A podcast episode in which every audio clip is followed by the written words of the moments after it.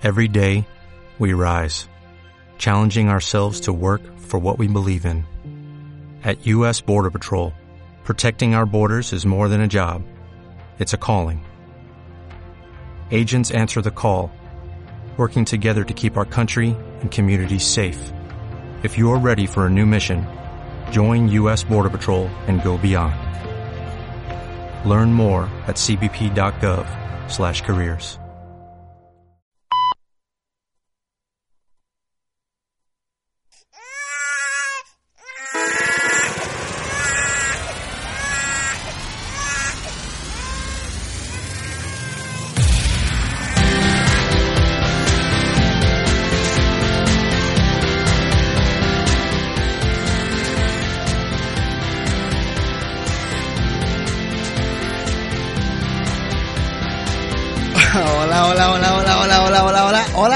què tal, com esteu? Soc en David Gorman i amb mi hi ha la Laura Granell. Hola, hola, la hola. Granell, La Sara Bell Hola. i l'Elisabet Parra. Hola, molt bona tarda. La Marta Escolar no hi és avui i us he de dir que passarà una temporada allunyada dels micròfons de Set de Ràdio, però esperem tenir-la ben aviat amb nosaltres de tornada. I tant. Així que, Doncs sí.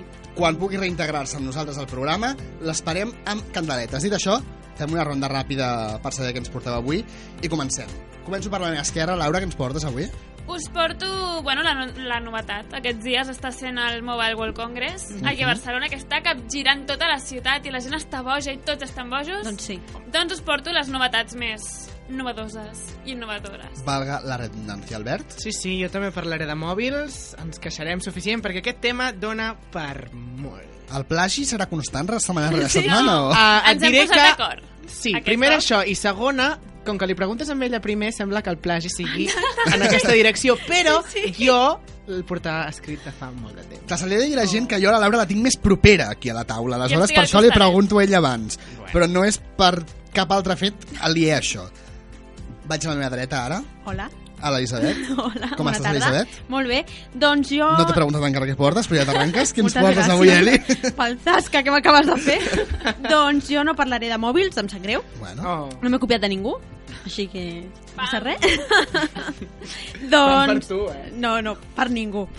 doncs jo us porto notícies de, bueno, de la Sandra Berneda i Jorge Javier Vázquez. a Gran de- Hermano o no? Avui, avui no parlaré de Gran Hermano. VIP. No m'ho puc Ah, De creure. Gran Hermano VIP. No, Ah. perquè no, o sigui, no ha passat tantes coses així jugoses aquesta setmana. No hi ha tanta cosa. Bueno, i que canvio per què? Perquè vull. I punto. Ja està. doncs també us porto una notícia de la Sofia de Gran Hermano, la guanyadora de l'últim Gran Hermano 16. O sigui, no VIP, o sigui, he dit VIP no, però. Gran Hermano sí. Exacte. Doncs que ha fet un videoclip, més endavant us parlaré, i parlaré de Sálvame, això sí que parlaré d'ells, i també de l'entrevista que hi ha aquest vespre, que us recomano que tots la, la veieu, de En la tuya o en la mia, de Bertino Osborne, que es fa a la Sara Carbonero i a l'Iker Casillas. I crec que donarà molt suc, que segurament que la setmana que ve us portaré anècdotes i coses que hagin dit. Doncs, M'he enrotllat molt, ho si sento. és qüestió de donar suc, deixem les taronges i anem a la Sara Carbonero i l'Iker Casillas. Exacte. I ara, Sara, què ens porta avui la Agüera? Sara. Sara, ai, sí. ai, tiro perquè me toca. Sí. Doncs res, jo avui porto un tema que tenia moltes ganes de parlar amb vosaltres perquè ja fa temps que el tinc al cap i el volia portar aquí a la taula i és el tema del destí. Ah, pensava que, com que dius, fa temps que el tinc al cap, et veia aquest monyo aquí, i dic, sempre ve monyo, avui ens vol parlar del seu monyo, però no, el destí. Què ens diu el destí? Mm, això és Era una que broma, vull... eh, el que he fet, però no ha rigut gaire. Ja, ja, ja, jo he fet... Jo m'he rigut per, mira, per... Per pena, digue-ho. Sí. Sobre. Perdó, demano perdó a l'audiència. Doncs després parlem del destí i del meu monyo, si vols també. Del destí. Bé, doncs ara, abans de començar, fem... Comenteu una mica com va anar l'altre dia la representació que vam anar a veure a Eixample Teatre, carrer Aragó 140 d'Impro Barcelona. Bé, senyores i senyors, sabíeu que teniu aquesta última setmana per anar-los a veure, perquè és un espectacle Sí. increïble. Sí, sí, sí. La setmana passada, tot just el divendres, ens van convidar a veure aquest espectacle en el que tres actors se situen a l'escenari, demanen al, al públic que eh, faci suggerències i ells, sense cap guió previ, es dediquen a fer una representació sencera d'hora i mitja. Molt interessant, ho hem gaudit molt i vam Sí, riure sobre manera. Així que, senyores i senyors, Vam no us ho penseu dues vegades. I aquest divendres a les 8 i mitja, dos quarts. De nou. de nou, De nou. del vespre a Eixample Teatre, carrer Aragó 140. A més, hi podeu Show, tornar a anar. Barcelona. A més, hi podeu tornar a anar perquè si ho diu al públic serà cada cop diferent. Exacte. Exacte. O sigui que no us ho penseu i ara sí que sí. Javi, quan vulguis, sintonia i comencem amb el tuit de la setmana.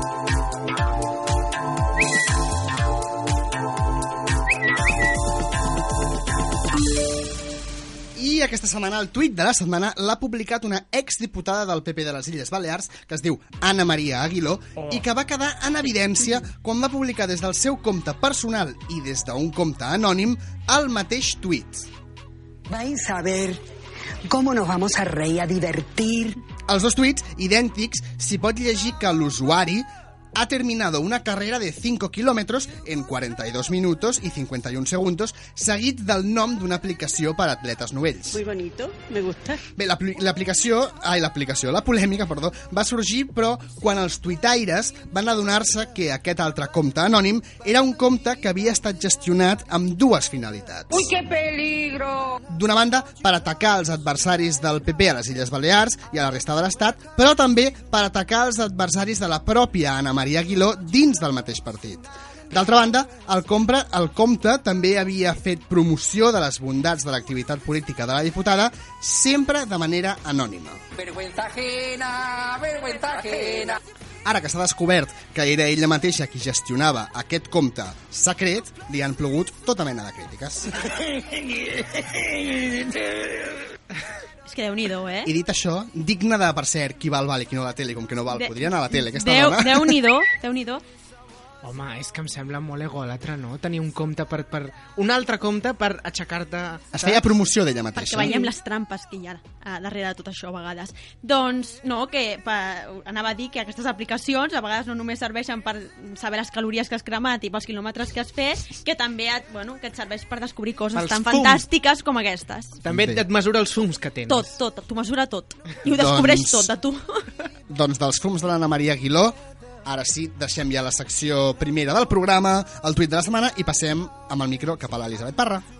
Yo no me pincho con jeringuilla, me pincho con boli. ¿Suite o sweet? ¿Sabes lo que había dentro? Cuatro tancas de la campanaria. Qui. I qui no, a la tele.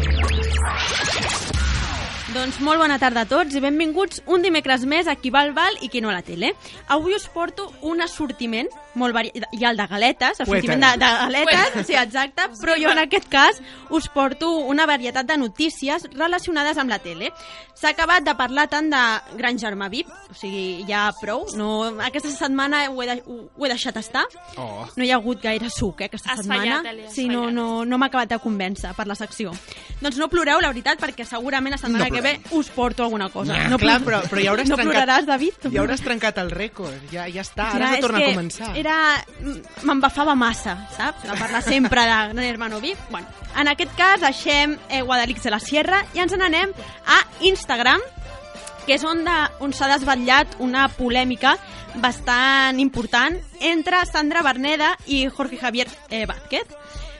Molt bé, doncs aquesta polèmica generada a Instagram per part de la Sandra Berneda va ser quan va veure en una revista que posava en lletres molt grans i vermelles Jorge Javier i Sandra Berneda no se soporten. És a dir, aquesta publicació... Gairebé com nosaltres dos. Bueno, jo sí que et suporto, tu no ho sé. tu ja t'apanyaràs. Do- doncs aquesta publicació feta a la revista Dime, que jo no tenia coneixença, o sigui, no... Dime, Dime, us, No us sona? No, vale, no. jo tampoc. Ha llançat aquest titular després de saber aquesta setmana que els dos presentadors seran els encarregats de presentar i moderar, en aquest cas la Sandra, eh, el programa Supervivientes, o sigui que torna Supervivientes. Bien. Quan s'acabi Gran Hermano VIP, tindré notícies de Supervivientes. No, Fantàstic! no saps encara res de... No, encara no. Qui pot no, no em donguis, no, No. em posis tanta pressió No no sobre, posar per pressió, favor. ok. Però és molt heavy, o sigui, jo tindré treball fins a l'infinit. Sí. O sigui, això, home, clar, clar, clar. Si a sobre cobressis, ja seria bueno. Mira, calla, que m'acabo d'ensorrar ara mateix, eh? per favor. Doncs es veu que no només ho diu aquesta revista, sinó altres també s'han fet ressò. Asseguren que els dos presentadors són cordials, òbviament, davant la, les càmeres, però que pels passadissos de Telecinco amb prou feines es saluden i es miren a la cara. O sigui, I això, on- i on això es- que i estem on es fent, miren, aleshores? Això que estem fent ara tu, mat- Això no ho tu i fan. jo, no ho fan. No es miren amb aquesta mm, seducció, saps, ara mateix. És graciós perquè pas passadissos a Telecinco n'hi ha d'haver-hi molt pocs, perquè tot ho fan a fora. Sí, tot és extern. Sí.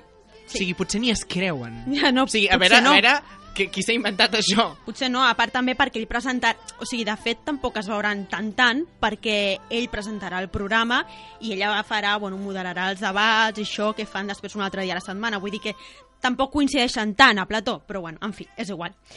Tot això pot ser a conseqüència de dos episodis que es van viure fa uns mesos. El primer xoc que van tenir bastant heavy va ser el setembre passat quan Sandra Berneda estava presentant el Trencadís a 8 Televisió, com sabeu, tots, molt bé. Molt bé. Doncs eh, la Belén Esteban, aquesta mateixa, estava invitada en el programa de la Sandra Berneda per parlar sobre la independència de Catalunya. Toma Però- autoritzada, d'altra banda. Sí, sí. Com, com?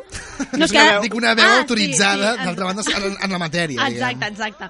Doncs, òbviament, la Sandra Berneda doncs, li va comunicar a la Belén i al Jorge Javier que ningú estava disposat mm, per parlar amb ella d'aquest tema, perquè no, no era com que fa la Belén Esteban parlant d'això. No, només faltaria, no? Doncs en aquell moment el Jorge Javier es va indignar molt i va titllar a la, bueno, a la Sandra Berneda d'irrespetuosa i que, que, que donde iba diciendo esto, bàsicament, saps? O sigui, li va sentar molt malament. I, a la, i la Belén Esteban es va sentir com humiliada, fins i tot, eh? Va, home, va, No, no, li va favor. sentar molt malament. Bueno, això no és tot. No és tot perquè aquest va ser el primer encontronazo, diguéssim.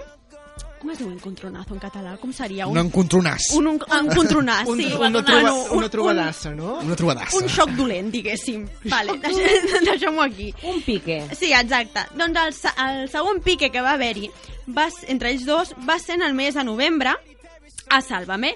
Els dos programes, com sabeu, es connecten a vegades en directe per dir, bueno, la, sí, avui ve tal, tal, tal, vale, perfecte. Doncs, eh, en aquell moment, la Sandra Berneda va dir, també en directe, eh, mirad este programa que dient que és, és de mejor qualitat que Sálvame, no? I això, òbviament, doncs, no li va fer ni pizca de gràcia al Jorge Javier. I es veu que té com allà algú, sí, una Espineta espineta clavada. clavada que no, que no li agrada. Bueno, una espineta o una espasa, perquè per clavar aquests piques... Home, són, són... Home, Jo crec que són... davant de tota Espanya. No, no és gaire agradable. pues em sembla molt més fort el que diu el, el que posar la Belén Esteban a parlar de la independència de Catalunya que greu, dir el eh? meu programa és millor que ho pots fer en broma. Ja, jo crec que és més indignant de que et vingui la Belén a parlar sobre la independència, no sé, amb la Pilar Rahola, posem el cas. Oh, T'imagines? Jo Mira, perdona, Pilar. Oh, m'encantaria. Seria, seria molt, molt gran, eh? Seria molt gran. Jo ja ho firmo. Per la independència, mato! Molt heavy. No, seria molt curiós, la veritat.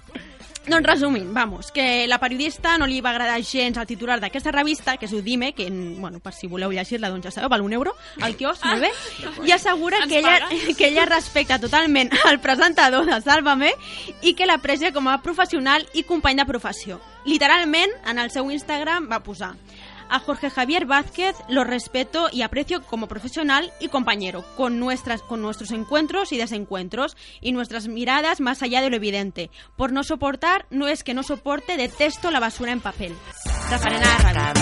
Molt bé, molt bé. El que dona de sí Instagram, eh? El que dona de sí.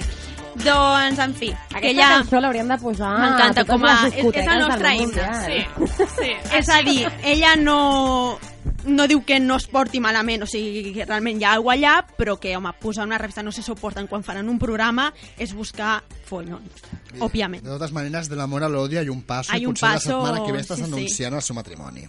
Ho dubto, Tots dos són... però sí, són, sí, sí, cert. sí, que no, no, no comparteixen la mateixa... Mateixa Línia. vida, Exacte.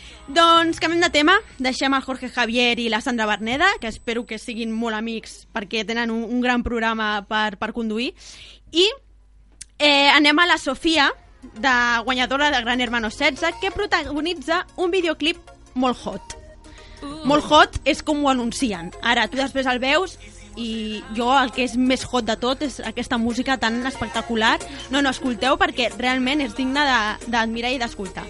Doncs la guanyadora de Gran Hermano 16 ha actuat com a actriu en un videoclip. Vale? La cançó es diu The Nasty i, bueno, és, mm, és un reggaeton... Està sonant eh, ara, Sí, no? electrolatino, exacte. És aquesta. Electrolatino. Sí, escoltem-la, sisplau. ¿Cómo sería si És mi primera vez. Mi primera vez de la No Sofia, puede eh? ser Mm, bueno, és comercial... Digues, digues. No canta, no? No, ella no canta, Vale. sisplau. No, no, de moment no. Era Ella per fa? estar-me No, no, mentalitzant. ella fa d'actriu, o sigui, és la protagonista de, del videoclip. I ja està. Vale? I ja està. Però la lletra de la cançó és literal, és mi primera vez. És mi primera vez. Sí, sí. I és, bueno, mm, és un un videoclip que, que tampoc, o sigui, ha sortit com, ui, està super sensual i tal, i bueno, la veritat és que és una mica insípid, eh? No, no, no, no, no, no passa res, no, vull dir que no, és bastant light. M'esperava molt més, la veritat. Doncs perquè ho sapigueu i l'escolteu i admireu aquest videoclip, doncs ja ho sabeu. The Nasty es diu. Preciós. Doncs ens n'anem a una altra notícia, en aquest cas ens n'anem a Sálvame, i us explicar us en recordeu que al, al passat programa us vaig informar de que el Francisco Nicolás, Pequeño Nicolás, bueno, sí, eh, li van fer un test d'intel·ligència Sí. tal, i es van decepcionar perquè va sortir molt baix, vale. Doncs ara us porto els tres superdotats de Salva, segons Sálvame, de Sálvame. Vale? Ah, vale. Exacte. Doncs el primer seria Kiko Hernández en, ah, bueno, amb, 100, amb 133 punts. Home, el cap gran el té. Sí, bueno, a mi, és que jo aquests punts, jo no sé això com ho valoren. O sigui, realment... Però punts de, de, de que li han cosit, té punts de sutura... No, aquest el Matamoros, Oh. perquè déu-n'hi-do. Sí. Amb les operacions que ell estan fent, déu-n'hi-do. Doncs el segon és Mila Jiménez, vale? I la tercera, bueno, i el tercer, Kiko Matamoros, d'acord? Que mm, lo de la Mila encara ho puc arribar a entendre, però és que és molt igualment. És que estem parlant que són gent superdotada i... Respira hondo I m'estic ofegant perquè Crec no ho que acabo de treure el número 1 de davant i ens quedem amb 33, 31 i 30. Clar, és que el? Kiko Hernández, 133... Hosti, Però clar, és també, també, eh, també haig de dir que crec que aquestes tres persones són de les més intel·ligents Sí, de home, Sálvame. Vull home, dir, sí, sí, sí, home, sí, sí, sí. la fauna i flora que no, hi ha no, allà... no, ja, ja, ja. Ja, té Però clar, m'agradaria saber com, com són aquests, bueno, aquest, aquest test d'intel·ligència. En fi, segons Sálvame, els tres són aquests. Perquè aquí vas dir que, que feia aquest test? O sigui, bueno, és el, està- és el programa, és la, la psicòloga de, de Sálvame, diguéssim, Ah. els tanca en una habitació I es maten i, entre no, ells. i els hi fan aquest test, com te'l podrien fer a tu, a mi o a qui sigui. Però, clar, mm, no sé fins a quina veracitat Clar, du això, podem però dubtar, bueno, no? exacte.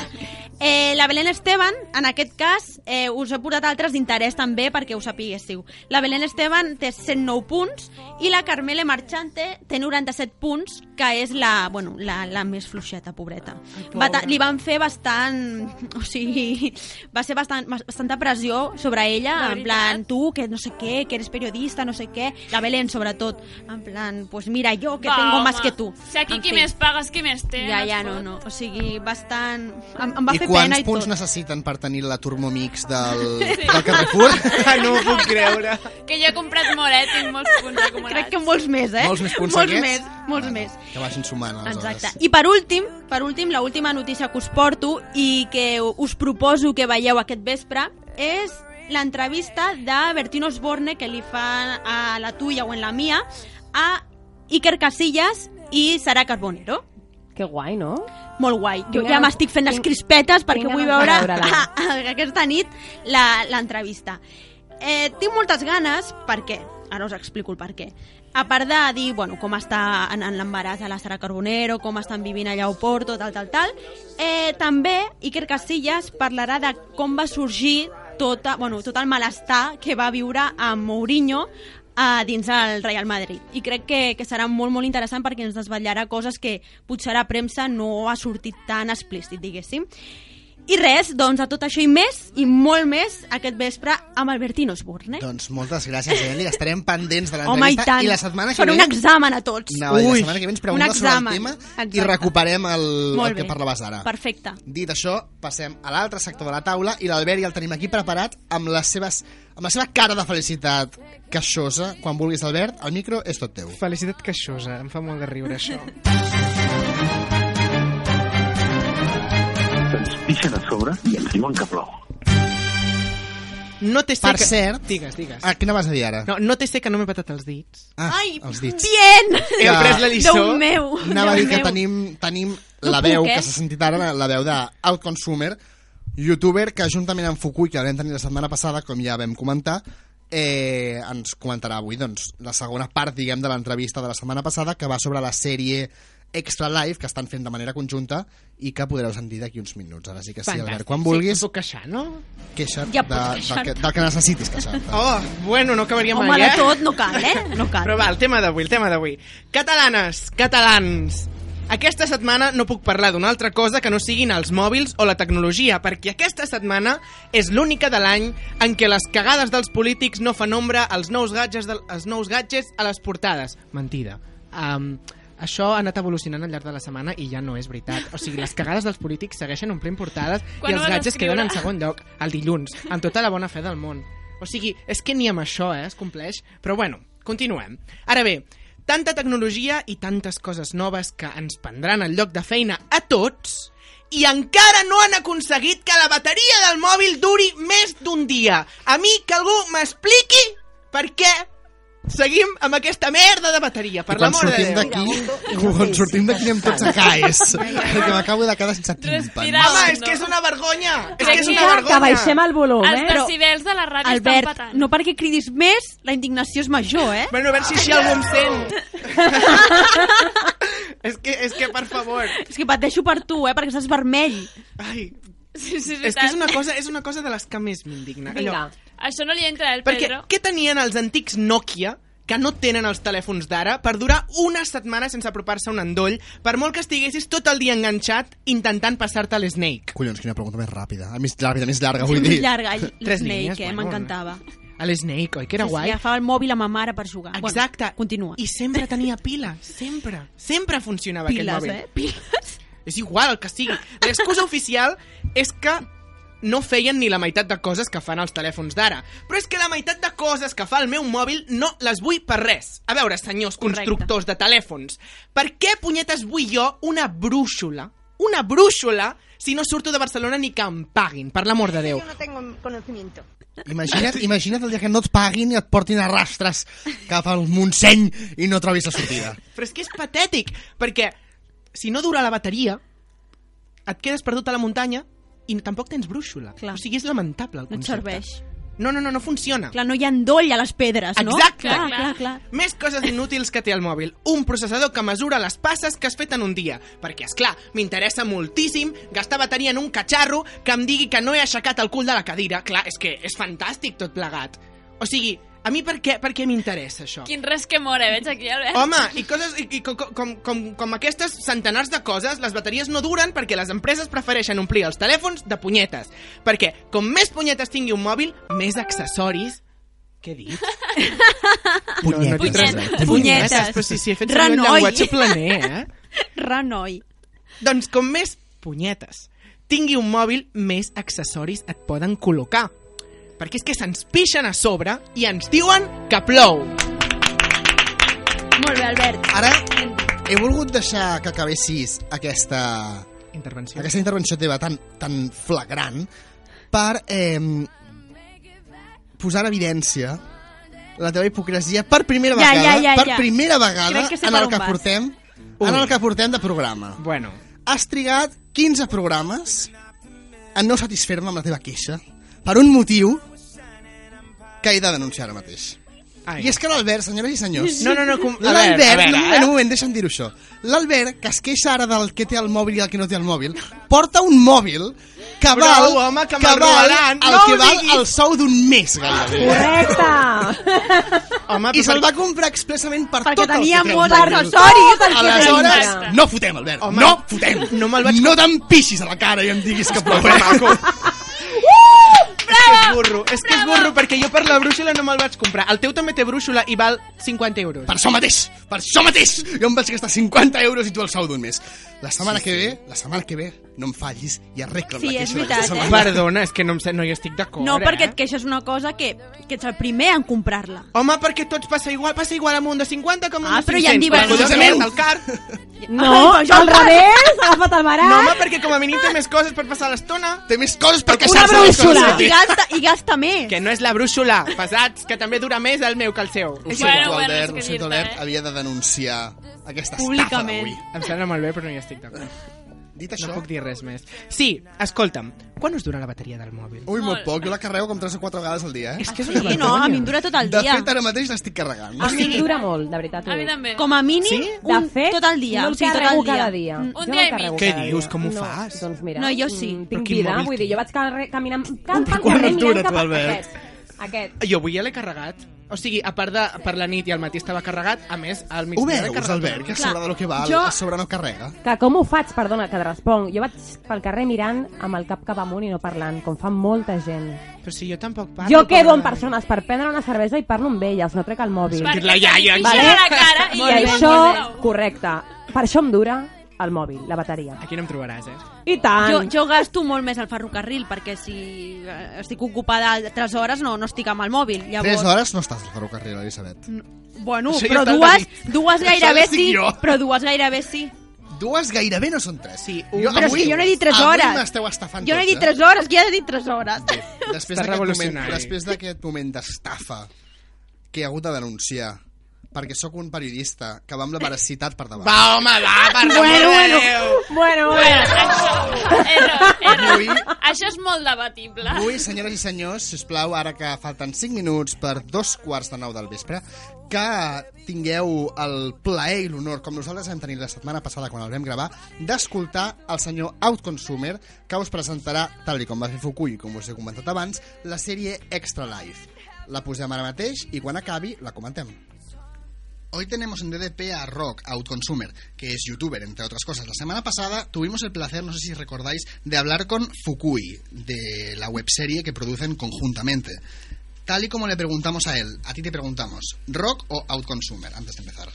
Eh, pues bueno, viene a ser un poquito lo mismo. O sea, Rock es mi nombre del DNI, digamos, el Consumer es mi identidad virtual, pero no hay mucha diferencia, no es un personaje ni nada, o sea que me es bastante indiferente. Me, me resulta más cómodo Rock, pero como queráis. Bueno, Fukui precisamente nos hizo llamarle de las dos maneras, nombre, nombre, nombre compuesto, entonces por eso pregunto. Sí, sí, es- es- a mí me es indiferente, la verdad. Bien, pues rock barra outconsumer. Eres youtuber, pero ¿en qué consiste ser youtuber y concretamente tu canal? ¿Cómo es una de tus jornadas de trabajo? Eh, bueno, ser youtuber, como dice mi colega Laulogio, eh, es subir vídeos a YouTube. ¿vale? O sea, no tiene más. Él dice, yo además de youtuber también soy personer, ¿no? O sea, eh, el youtuber no te define más allá de, de tu actividad en el sentido de que, bueno, subimos nuestro contenido, el contenido que creamos, lo subimos a YouTube, pero no te condiciona o no debería condicionarte más allá de eso, en, en mi opinión. Habiendo estudiado periodismo, ¿en qué momento decides dejar de lado, en cierto, de cierto modo, para empezar a colgar vídeos en YouTube? Eh, bueno, eh, en mi caso fue, estaba intentando hacer las dos cosas al mismo tiempo, eh, eh, tanto YouTube como mi trabajo de periodista, Sí. y más o menos podía, eh, bueno, pues podía compaginarlo, ¿no? Sin embargo, llegó un momento, eh, se generó una oportunidad de hacer un, eh, un programa de eh, televisión española que se llama Fiesta Suprema, y eso sí era completamente incompatible con mi trabajo. Así que lo que decidí es hacer una, eh, bueno, pues una, una pequeña excedencia de un año para ver cómo iba esto. Y la verdad es que el programa salió mal, pero la idea de vivir de YouTube y derivados funcionó bien, con lo cual ya no volví a mi trabajo. Así que fue un poco por obligación, tenía que decir o una cosa o la, o la otra. Me decanté por la aventura y de momento va bien. ¿Cuánto tiempo diario dedicas a jugar a los videojuegos? ¿Hola? ¿Hola? Hola. Ahora. me- vale. Oh. ¿Me escuchas? Hola. ¿Se oye algo? ¿Hola? Hola. Hola, Hola. ¿Me, escu- espera. ¿Me escuchas? Eh, ahora sí. Vale, perfecto. ¿Cuánto, te Vale. preguntaba, perdona, que cuánto tiempo Sí. diario... Un moment, un moment, un moment. Com que aquest tros no anava, si tallem la pregunta per aquí i la fas de nou, o sigui, com si no ha passat Vale. res, tallarem tot, Vale. comença a preguntar de zero. Vale. ¿Cuánto tiempo diario dedicas a jugar a los videojuegos?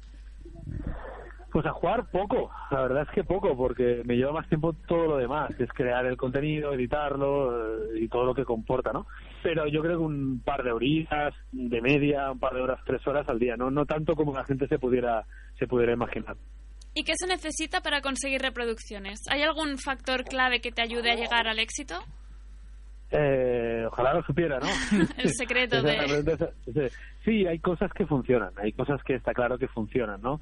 La polémica funciona, el morbo funciona, eh, la crítica funciona bastante, la honestidad funciona también, la ilusión funciona, eh, el humor funciona, si sabes equilibrar todas esas cosas y encajarlas dentro de tu forma de ser y que no quede una cosa muy falsa o que la gente no se dé cuenta de que estás fingiendo, eh, pues ahí tienes la clave del éxito, ¿no? Pero no hay una fórmula establecida, es con, mm, coger lo que sabes que otra gente le ha funcionado, añadir tu toque personal y confiar en que eso también enganche. Con el auge de la profesión de youtuber, que ahora hay tantísima gente que quiere ser youtuber o que ya lo es, em, ¿es difícil encontrar un hueco en este mundo? No, o sea, evidentemente sí es difícil, evidentemente tener éxito es difícil como, como lo es en cualquier otro aspecto, ¿no? No, no hay nada fácil, ¿no? Destacar, por definición, es difícil y está reservado a pocos, ¿no? Em, lo que pasa es que yo no veo, sí que es cierto que hay mucha competencia, pero también hay un abanico muy grande de posibilidades. Hay un público potencial esperando a que le enseñes algo nuevo. Entonces ahora es un momento ideal para, para hacer algo que no hace nadie. Y hay muchas cosas que no hace nadie hay muchos temas aún que se pueden tocar, hay muchos estilos, hay muchas formas. O sea que quien empieza ahora tiene la desventaja de que hay mucha competencia y de que hay mucha gente que quiere hacer lo mismo, pero tiene la ventaja de que hay muchos frentes abiertos, de que hay muchos nichos, de que, de que aún se ah, digamos que lo que se tolera puede ser muy diferente, eh, lo que esperan de uno, y mucha gente, un público potencial muy grande, ávido de, de ver algo nuevo. Así que simplemente, simplemente entre comillas, tienes que tener una idea diferente y llevarla a cabo. Tal y como recordaba Laura ahora hace nada, un minuto y medio, eres periodista y además eres youtuber. Entonces, ¿qué opinión tienes de la crítica muchas veces feroz que muchos periodistas hacen de esta red social? Eh, bueno, yo, yo no no creo que sea más feroz que, que la que se destina a otros ámbitos, ¿no? Pero eh, yo creo que hay una buena parte de desconocimiento, de ignorancia, eh, y esa ignorancia, por parte de los periodistas me refiero, lleva al desprecio algunas veces, ¿no? Es decir, esta gente eh, está triunfando, pero como no entiendo lo que hacen, probablemente es una tontería, ¿no? Entonces, ese argumento eh, probable- probablemente inconsciente, eh, por un lado te ves amenazado y por otro lado no entiendes lo que pasa, entonces lo rechazas o lo, desprecias, ¿no? Em, pero por otro lado también creo que los youtubers tenemos parte de culpa porque no, no hemos sabido explicar o no hemos querido explicar qué es lo que hacemos, ¿no? Y por qué lo hacemos. Entonces, eh, si a- mañana una entrevista en periódico te, te sale alguien que es un life coach, no sé qué, una historia de estas que se inventan ahora, va a dedicar toda la entrevista a explicar qué es lo que hace y los youtubers no hacemos eso en las entrevistas, no nos dedicamos a explicar qué es lo que hacemos para que la gente lo entienda. Yo creo que si se comprendiera qué es lo que hacemos y por qué triunfamos, eh, la crítica sería menos reducida, por lo menos ya no vendría desde la ignorancia. Am, cambiando de tema, Extra Life es la webserie que de manera conjunta con, con, con Fu- Fukui, Fukui, sí, eh, lleváis emitiendo desde finales de 2015. La serie se emite Sí. por YouTube cada jueves eh, en cap- cápsulas, llámalo capítulos, llámalo episodios, de unos 20 minutos. Eh, el hilo argumental es la creación de un videojuego. La semana pasada Fukui nos explicó ah, la producción, la gestión. ¿En qué momento decidisteis empezar este proyecto? Bueno, se ha cocido durante bastante tiempo. Yo siempre había querido hacer un videojuego, pero no tenía los medios ni los conocimientos. Eh, hablé con Fukui alguna vez, oye, algún día podría hacer esto, que como lo ves, ah, pues estaría guay y tal. No hacerlo juntos, sino hacerlo yo. Eh, y luego se metió por medio mi, mi productora, la productora con la que colaboro, que es Zopa, que es una productora de Barcelona. Y entonces eh, ellos dicen, no, eh, mira, queremos, nos gustaría hacer un documental sobre videojuegos. ¿Qué te parecería si hiciéramos un documental sobre cómo tú creas un videojuego? Y entonces yo dije, hostia, pues fenomenal. Entonces se juntaron todas las piezas, eh, se metió en el proyecto Fukui, que me parece que es la persona ideal por la química que tenemos entre nosotros y por los conocimientos que él tiene y la facilidad que tiene y la voluntad que tiene de divulgar todo todas las partes del, del proceso de construcción de un videojuego. Entonces, digamos que se juntó todo, se juntó todo y, y nació Extra Life. Pero no me senté un día y dije, quiero hacer Extra Life, ni yo ni nadie. Simplemente hubo una serie de sinergias que acabaron, eh, como suele pasar, por, por cierto, en este tipo de, de proyectos y mucho en, en mi vida de ahora, que las cosas no sabes de dónde vienen, pero se van juntando un poquito de aquí, un poquito de ahí y al final confluyen en algo, ¿no? Y en este caso ha sido en Extra Life. ¿Qué es lo que más se disfruta y lo más difícil de autoproducir en una serie como Extra Life? Oh, lo lo que más se disfruta es el rodaje, porque aunque son duros, porque intentamos grabar cada episodio en un día por temas de, coste de producción, eh, realmente el equipo humano es, es muy chulo y la ilusión que Samuel y yo tenemos eh, trasciende o incluso se retroalimenta con la, ilus- la ilusión que tienen otros miembros del, del equipo, tanto pues, la gente de sonido, realización, edición, producción, todo el mundo está muy muy metido y, disfruta mucho. Entonces, eh, son buena gente, nos llevamos muy bien y ese pequeño grupo que hemos creado también, eh, el, equipo que está ya trabajando en el videojuego, también cumplen esta- estas premisas. Entonces, todo es una experiencia social, digamos, muy buena y muy gratificante. Aprendo mucho, disfruto mucho, eh, de verdad nos lo pasamos muy bien. La parte difícil, pues, es todo lo que no se ve, es lo que cuesta encabir, eh, pues, un proyecto, o sea, una producción difícil y cara eh, en poco tiempo, que no se note, porque en los episodios no parece que vayamos con prisa, pero vamos con prisa. Entonces, eh, bueno, todo lo que no se ve diría que es la parte más difícil, pero en general nos gusta que lleguen los jueves, que es el día que se publica, y es el día que se graba, es el día perfecto de la semana. Ahora volvemos a hablar de rock barra Hot Consumer. En el año 2003 conseguiste un récord Guinness. Explícanos cómo fue esto. Sí, creo que fue, no, no fue en el 2003, fue en el 2012, creo. Estos son los No, becarios. no. Estos, son, estos son los, becarios, yo que son fue el los 12. becarios que nos escriben mal las cosas. No, no, no, no pasa nada. Eh, bueno, eso fue, realmente no tiene ningún mérito, cualquiera que se pusiera una tarde lo haría rápido que yo, pero eh, yo tuve la suerte de que em, yo pertenecía a la misma network que el canal de, de Guinness World Records, entonces ellos hicieron un evento en, en Londres en colaboración con YouTube, querían traer a unos gamers para eh, que batiéramos récords relacionados con gaming. Y como eh, yo qué sé, 200 horas jugando un juego para batir un récord, nos propusieron récords, bueno, pues al alcance de cualquiera, pero que nadie había intentado, ¿no? Entonces, eh, de toda la gente que, era- que estamos ahí, yo fui el que lo hice mejor en uno de ellos, con lo cual me, llegué, me llevé el récord y, bueno, tengo ahí el, eh, bueno, pues eh, el diploma en casa y muy orgulloso de, aunque sea una tontería, pues por lo menos puedo decir que tengo un récord Guinness, ¿no? Era, consistía en capturar una bandera en Black Ops con los ojos cerrados y un compañero me iba dando las instrucciones de para arriba, para abajo, en cuanto en el tiempo, el menor tiempo posible, ¿no? Entonces, bueno, es una chorrada, pero a mí me hace ilusión, que es lo que importa. Bien, esto de hacer videojuegos de gameplay, además es un poco, hemos, hemos estado comentando antes, nos parece que es un poco como el fútbol, es decir, vemos cómo juega otra persona. Eh, ¿Qué aporta esto a un ser humano? Eh, bueno, yo tengo que confesar que tampoco acabo de entenderlo muy bien, ¿vale? O sea, llevo mucho tiempo... Vale, en iba a esto, decir, vivo no, so- esto. no somos los únicos raros, entonces, que vemos que esto no... No, cuesta de entender, pero la verdad es que funciona, a la gente le gusta. Igual que tú dirás, hombre, pero es mucho más divertido jugar a fútbol que ver a otro jugar a fútbol, ¿no? Ya, pero la gente quiere ver a Messi, no quiere ver a su primo jugando a fútbol, ¿no? Entonces quieres ver a gente que lo haga bien. Y en este caso, yo creo los youtubers, eh, y hablo en general, no hablo concretamente de mí, lo que quieren es, vale, a mí me gusta jugar a videojuegos, pero quiero a alguien que me cuente una historia, que me entretenga, que me divierta, que me dé otro punto de vista, que juegue mejor que yo, que me cuente cosas que no sé, que juegue como yo, pero la forma de explicarlo me entretenga, me llene de alguna forma. Entonces, eh, el gameplay es solo la excusa para contar historias, para entretener, para hacer reír, para, bueno, lo que ha sido la comunicación toda la vida, no hemos inventado nada. Y una última pregunta. Am, eres padre. Siendo tu Ujú. profesión los videojuegos, ¿cómo le dices a tu hijo que deje la consola? Eh, bueno, eh, por suerte tiene tiene tres años y aún no bueno, juega pero, nada. pero esto Pero- va a llegar. Lo tienes Sí, claro. va, va- va a llegar. No, pues, lo- pues lo mismo que la misma norma que vale para mí vale para él. Es decir, en, en mi casa hemos organizado y hay un rato que trabajo, hay un rato que juego, hay un rato que, que hago cosas de la casa y hay un rato que estoy con, con mi hijo y con mi familia, ¿no? Entonces estructurarte y decir eh, los placeres así inmediatos o, o tipo por recompensa rápida o tipo adicción, como sería un videojuego, pues tienen su momento en el día, ¿no? Entonces yo nunca le voy a prohibir que juegue a videojuegos, pero sí le voy a enseñar o voy a intentar por un lado que los aprecie, que aprecie la variedad, lo bonito que tienen y todo lo que te ofrecen, y por otro lado que es un placer que tiene un momento concreto, ¿no? Que no es todo el rato. Igual que tampoco lo es para mí, ¿no? Entonces en ese sentido va a ser fácil dar, dar el ejemplo, ¿no? Porque yo soy consciente del peligro que tienen los videojuegos cuando no tienes ningún límite ni ninguna ni ninguna consecuencia de lo que haces o te parece que no tiene consecuencias, ¿no?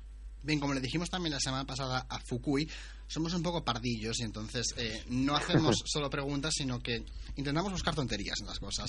Y nos, como dato de interés, nos explicó Fukui, bueno, como también has, mm, has plasmado tú antes, es que tenéis una química muy potente. Entonces Fukui nos dijo que, que nada, que, te comentáramos, seguramente que te quedarías muy atrapado si te comentáramos que sabíamos que la gente cuando os veo juntos cree que sois una pareja y que os llama cosas así como Fukumer o, Roku- o Rokui e incluso, e incluso luego ya le dijimos también, le pedimos si nos podía hacer él una pregunta para ti y entonces que estuviera presente hoy de alguna manera con nosotros y dijo que quería preguntarte eh, que cómo llevas tu otro juego. Dijo que tú ya nos explicarías de qué iba esto. Sí, bueno, por, por un lado lo de lo de Fukumer y tal, a mí es una cosa que me, me divierte muchísimo. Además el problema lo tiene él, porque yo estoy casado, tengo un hijo. Bueno, eso está bien, ¿no? ¿sabes? O sea, que a mí eso no, no me preocupa. No, pero eso, pero eso, bromas aparte, es, es bonito que la gente note que, luego que haga la broma, de relación, pues es simplemente un divertimento, pero que noten que haya una relación especial, eso es al final lo que lo que es cierto es lo que buscamos, ¿no? Y mi otro juego, sí, yo yo me yo he empezado a aprender a, a, programar y, y, me apetece mucho pues otros proyectos muy pequeñitos para contar mis pequeñas historias, para ver lo difícil que es, para todo eso. eh, y, y bueno, eh, me, me divierte y, y- y aprendo mucho y así es como se aprende cuando tienes ganas de hacer cosas que no sabes hacer, ¿no? Así que encantado de poder hacerlo. Bueno, pues tan encantados nosotros también de haber hablado contigo hoy, Rock. Rock barra Sí. Outconsumer. Esperamos, como le dijimos a Fukui la semana pasada, que tengáis muchos éxitos en vuestros proyectos compartidos, que os vaya todo muy bien y nada, muchísimas gracias por estar con nosotros esta tarde. Muchísimas gracias a vosotros igualmente, que haya mucha suerte. Muchas gràcies. Adiós. Vale, hem de comentar, hem de comentar una petita cosa que ha passat durant l'entrevista i és que... El becari, el becari, és Ja culpa et del becari. que vigilem qui contractes amb becari, o sigui, en període de pràctica. I és, que, I és que durant l'entrevista suposo que us n'heu adonat, hi ha hagut un moment en què hem teniu dit Sara, no et preocupis, que això es talla, o sigui que no... I no s'ha tallat. I no es va tallar. I no s'ha tallat, i això d'una setmana per l'altra ens ha passat, i bé, i ho hem més així. O sigui que heu vist que de vegades anem així a tranques i barranques i passa el que passa. Diria coses del directe, però en realitat... És que és coses del directe ara, Sí. però allò no era en directe, aleshores... Bé, cagades a part, eh, després de l'entrevista, que esperem que hagueu gaudit i que ara ja, doncs, ja no sé què més comentar al respecte, perquè la cagada era més important remarcar-la, Laura, Dis-me. Di, dis jo. Ah, no m'ho dic puc jo. creure. Doncs avui, bueno, comencem amb Mundo Curioso.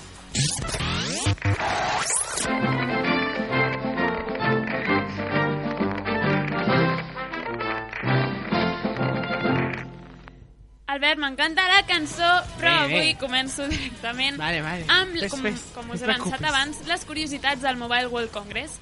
Aquests dies Barcel- Barcelona està acollint aquest gran esdeveniment i ha alterat per complet la vida a la ciutat comtal. Homes amb americana a tot arreu, furgonetes i cotxazos circulant per tots els carrers, petites i insignificants alteracions de metro i bus Sí, sí, i una res. lleu capa de contaminació. Bravo, bravo. Tres veces bravo. I així és com aquí acollim a, a aquesta gent.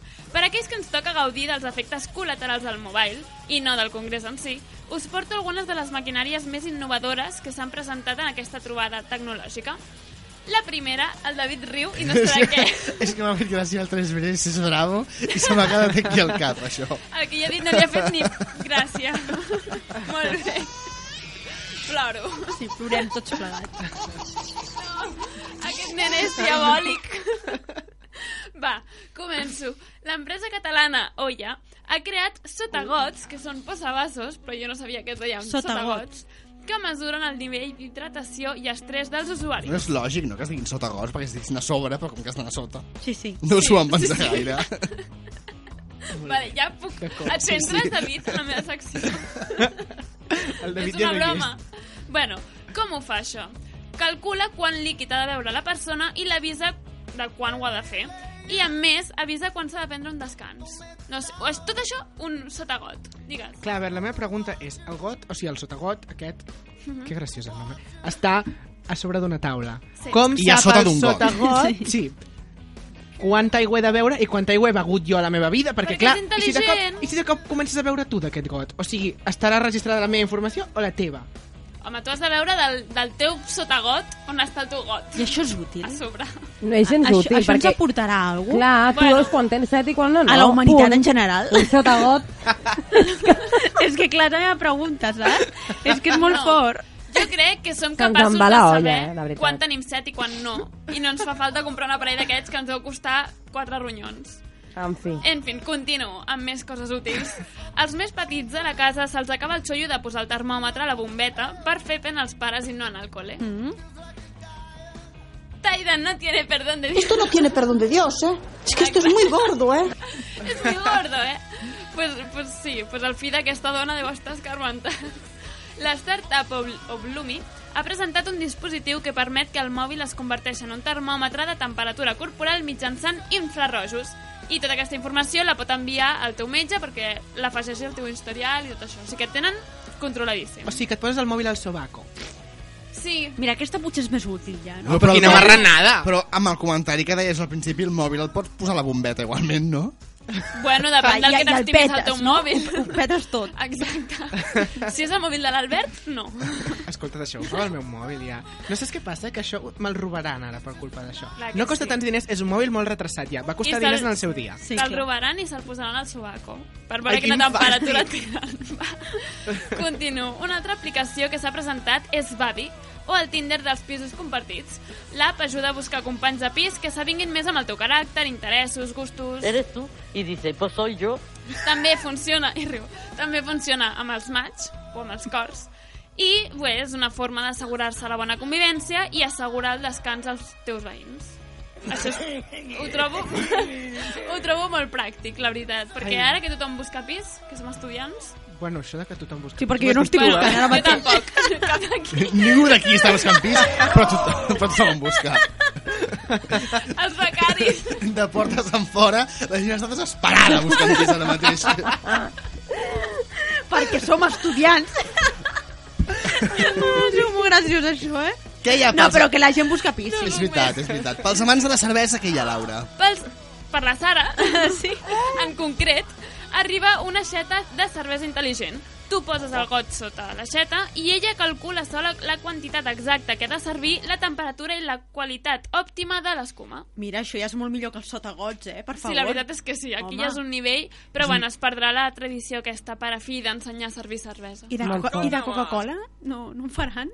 No ho sé. Potser sí. Digues. Vaig, per cert, parlant de la cervesa, vaig llegir fa poc una notícia que deia que han col·locat... peligro! un poquito, un, la verdad es que tiene un poco de peligro, perquè han col·locat una font pública de cervesa a Eslovènia. Sí. Hola? Jo també ho he sentit, això. Es paga. Oh. Sí, em vaig informar sobre Però el tema. quan- quan però, pagues? ah, això ja no ho sé, però es paga. Tu t'imagines I, i a qui li pagues? Que poses una, un, un euro i et surt un... Xorro! Xorro. Com Amb tota l'espuma a la boca. Home, Sí. com una màquina, no?, que tu Clar, col·loques. clar, clar. A veure, jo vull fer una reflexió aquí, i és que està claríssim, no?, que, que, que vist això, que cal invertir... Home, no cal! En la part de sobre del got. El sotagot, no. No A interessa. sobre. No? Invertim en tirar coses al got. Sí, sí, tirar-les bé. Bueno, com fa aquesta aixeta. Continuo amb el següent.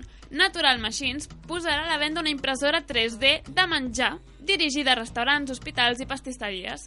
De moment, mm, es veu que el forn no li funciona gaire bé i si imprimeixes una pizza, després l'has d'acabar de fer el forn. Ja veieu quin drama, los problemes del primer mundo. ¿Cómo se puede tolerar eso? Jo no ho tolero, la veritat. Que A mi, si no em fa una pizza, doncs per què? La màquina anirà connectada a internet i, per tant, es podrà fer tots els plats que es vulgui.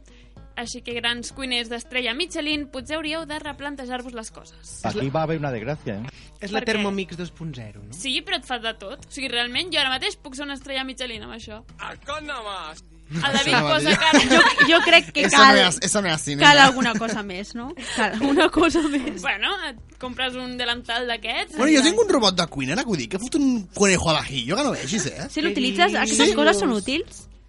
Només per fer conejo al ajillo, però fot un conejo al ajillo que Però, és, val la sí, pena, eh? te'l És la va màquina caçar, de fer conejo. Te'l caça i te'l mata. Fas bé el No, conejo. oiga, ve caçat i pelat, i, Ah, matat, vale. vull dir, i, bueno, i pelat també. Però, però, Sí, perquè si ben pèl... ve, ve sense pèl, però... El conejo viene sin pelo, però... Bueno, Eh. el següent dispositiu quin és, Laura? Exactament. Next. El següent dispositiu és la solució al gran problema telefònic, que són les bateries, com he dit abans. el meu estimat Albert, A veure, a veure què em portes. que s'ha queixat molt, et porto la solució als teus drames. No m'ho crec. Es tracta d'un carregador que no s'ha de carregar. Perquè, clar, els powerbanks, que són les bateries aquestes, sí. és el que té, que quan, o sigui, l'has de carregar per poder carregar el mòbil. I si no, o sigui, cargador que lo descarga. el carregador que carrega el carregador del mòbil.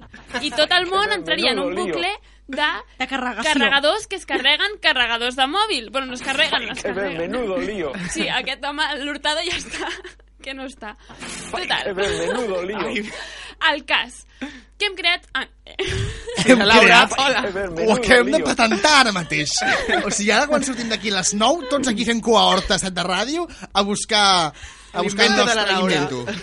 Va, Laura, explica a l'audiència quin ja és el nostre invento. han, han creat un dispositiu que funciona amb reaccions químiques d'aigües i sals que carrega completament el mòbil i no cal endollar-lo. Ostres, Ui. home, això és molt pràctic, la veritat. A mi em sona enganyar bobos, això, ja eh? està, ja pues Home, està al mobile, amb, amb eh? aigua has dit que va? Aigua i sals. I fan una sal. reacció química... Però això ho pots fer a casa? Bueno, això està dintre del catxarro. Aigua i sal, diu, i fot una reacció química que flipes. A veure, a la olla- mediterrani, això. Però si tu agafes La lleoparda. aigua i sal... No, Es que yo vull no dir, tengo aigües, jo no sé quin tipus Aigües. d'aigües. Aigües de, de, de, De de Barcelona, Ter Barcelona. Aigües Aigües termals, aigües termals o aigua de bitxí Ah, vale. i sals, pues no sé, sal potàssica, sal no sé què... I... O sales de baño, Sí. nunca se sabe. Per exemple. Exacte. Em, següent, ja, prou de sals. El mitjà El Mundo informava d'un nou dispositiu domèstic amb el següent titular, que m'ha fet molta gràcia. Telefònica te dice dónde está el colacao. Què? Fa molta gràcia. David, fora de l'estudi, ja. Bueno, Laura, segueix, I aquest, i aquest riure... És que avui el David s'ha aixecat graciosillo. Fa molt que no em veu i mira. Mira, no acaba, eh? Ai, no, que, no, que comencem ja. Sisplau. Que li entra la carrerilla. El David, quan li agafen aquests atacs de riure, s'està ben bé una hora. Sí, més o menys, però no penso que això m'espatlli la meva secció. Continuo, David, a veure si el riure... Una altra de les, això, una altra de les grans novetats del mobile és la geolocalització en interiors. El dispositiu et guiarà des de la, la teva localització fins a la consulta on tinguis cita a l'hospital o una botiga en un... David, prou! En un centre comercial, etc. I fins i tot podria guiar el client fins al prestatge on es troba el producte que està buscant. Tu vas al súper i dius, vull Niña. la risa del David que no la. I te l'ensenya. Però no el provoquis. Que mira'l. I quina és l'última novetat, Laura, que portes avui? I l'última novetat és la vaca connectada. Una vaca amb wifi. Com va la vaca amb wi- amb La wifi? vaca, la vaca connectada, ai, per favor. La vaca connectada es tracta d'un braçalet que es posa a la pota de la vaca per tal, No ho puc creure, tio. O sigui, per tal de monitoritzar els seus passos i controlar els nivells d'estrès. O sigui, no tenim prou amb estressar-nos nosaltres que estressem a les vaques, ara. Exacte. I li surt cuajada després. I, les... I quin és l'objectiu d'això? L'objectiu, clar, la finalitat d'això, prou, és maximitzar la producció de llet i saber quin és el millor moment. Ah, perquè no estigui estressada la vaca. Ah, surt Clar, més perquè si bona. no, no suposo. surt. Però el millor moment per fer què? així. Home, A part, per saber quin és el millor moment per inseminar-la, Ah. entre altres coses, clar. Leche calentita. Pensava que era per munyir-la. Bueno, suposo que també per munyir-la, perquè si la vaca estressada no surt. Clar, no, no sé. I em sembla increïble que tot aquest pitote que s'està liant a Barcelona sigui per tot això que acabes de dir. per la vaca connectada i el colacao Les de vaques telèfon. estressades són una cosa que hem de tenir en compte. Ai, gràcies. Gràcies, sí, sí. Ho trobava a faltar. I fins aquí el mundo curioso de les risses d'avui, perquè és tot Doncs un sí, show. hem rigut molt. Avui em fa mal els pòmuls, per De cert. riure. No ho sé per què. Després d'aquest dolor pulmonar, comencem a tancar ja el nostre programa d'avui, quan queda poc més de 5 minuts per les 9 del vespre. Sara Adell, la nostra pitonisa coral, quan vulguis, el micro és tot teu.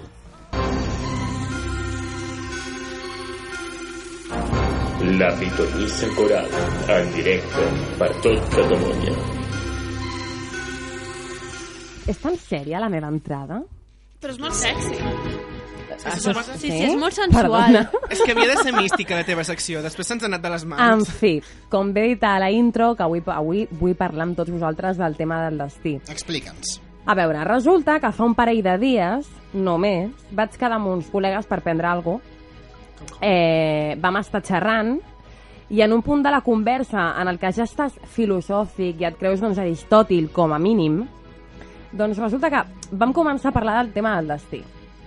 Puc dir que la taula va quedar dividida en dues parts, que va ser un debat intens, que va durar molt i que, de fet, es va incorporar una parella que teníem a la taula del costat. No és broma, t'ho dic de veritat, i es van, es van estar una llarga estona amb nosaltres. Eh, com he dit, la taula doncs, això va quedar dividida en dues parts, eh, uns defensaven que no existeix el destí i altres, en canvi, dèiem que sí, que el destí doncs, existeix, però que a la vegada un mateix és l'amo de, dels seus propis actes i que tu mateix esculls com vols que sigui la teva vida. Aleshores, d'aquí va sortir un altre conflicte, no? I va ser el que, el que quan, quan, quan la part més científica de, de la taula deia que, clar, que això era contradictori, no? Que, que, que és contradictori el tema del destí amb el fet d'escollir tu els teus propis actes. Clar, és un, és un tema... Val? Sí. Finalment, finalment, tots van fer un... Hay que ver, menudo lío. Pues sí. I ha tomat por culo també, que si el troba el Javi després el, el, el col·loca. Me ha venido a tu cara. I, i això, i vam continuar doncs, posant-nos al dia de la nostra vida al voltant de la, de la taula i de la nostra gent. Aquest debat m'agradaria traslladar... mm, Traslladar-lo aquí. Això és el fantasma del Juan, que està aquí amb nosaltres. Ai, prou, eh? Ostres, Quin calla, iuiu. calla. Portar-lo aquí i saber què opineu, perquè realment... Jo que no. Jo no, no, no. O Jo sigui, que no. no. No, no hi ha destí, que és això, que hi ha alguna cosa escrita. És que les persones tenim una necessitat de dir que hi ha alguna cosa que, que està per sobre de nosaltres pensant i gestionant tot el que hem de fer. Miri, perdoni, vostè, si la caga, la cagada, i ja està. I no busqui explicacions De fet, hi ha un llibre, que no recordo l'autora, que diu uh, no culpes al karma de lo que te pasa por gilipollas. Exacto.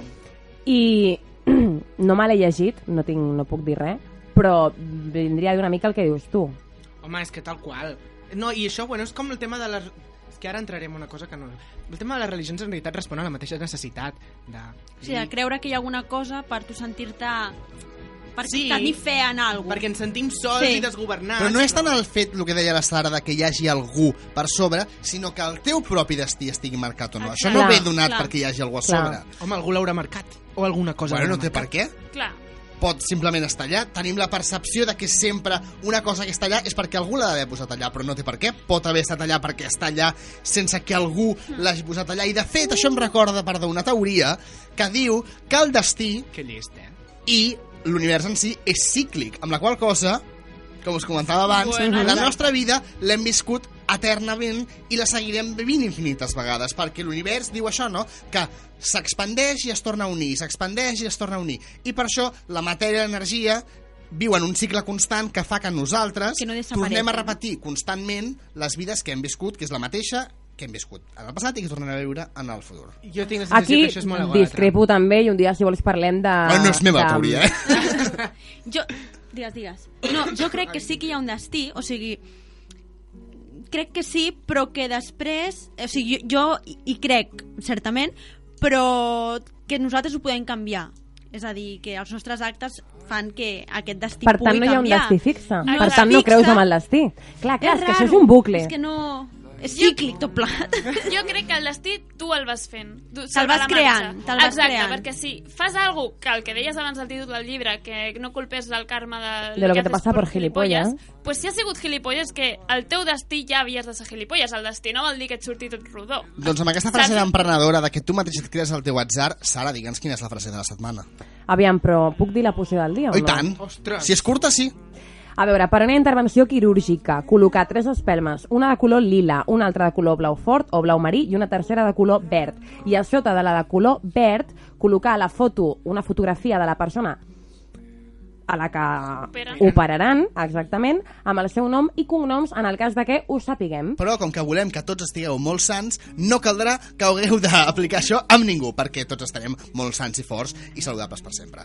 I ara sí que sí. I per acabar, del vull dir que el destí és el que barreja les cartes, però nosaltres som els que juguem, i ho va dir William Shakespeare. Bueno, doncs això, això és fantàstic. Això és la Laura, ho acaba de dir la Laura, més o menys. Sí, això resumeix una mica... Eh, és que la Laura, la Laura és la reencarnació de Shakespeare. Aquí on em veus i rius de mi. Sí, sí, Laura Granada eren ells Shakespeare. Shakespeare. Bé, doncs, amb aquest descobriment d'última hora de que tenim Shakespeare amb nosaltres al plató, i que, per cert, això El ens plató. dona plató a l'estudi. És que tenim càmeres ara aquí al voltant a l'estudi i que això ens dona un catxí que no teníem fins ara, comencem a acomiadar el programa d'avui. Moltes bé. gràcies a tots i totes per seguir-nos una setmana més a Set de Ràdio.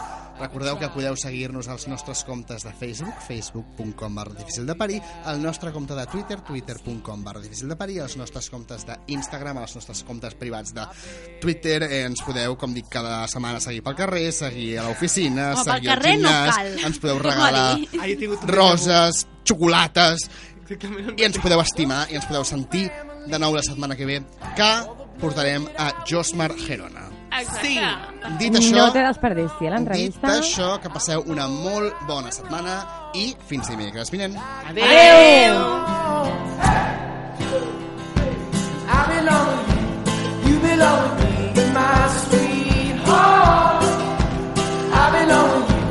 you belong to me.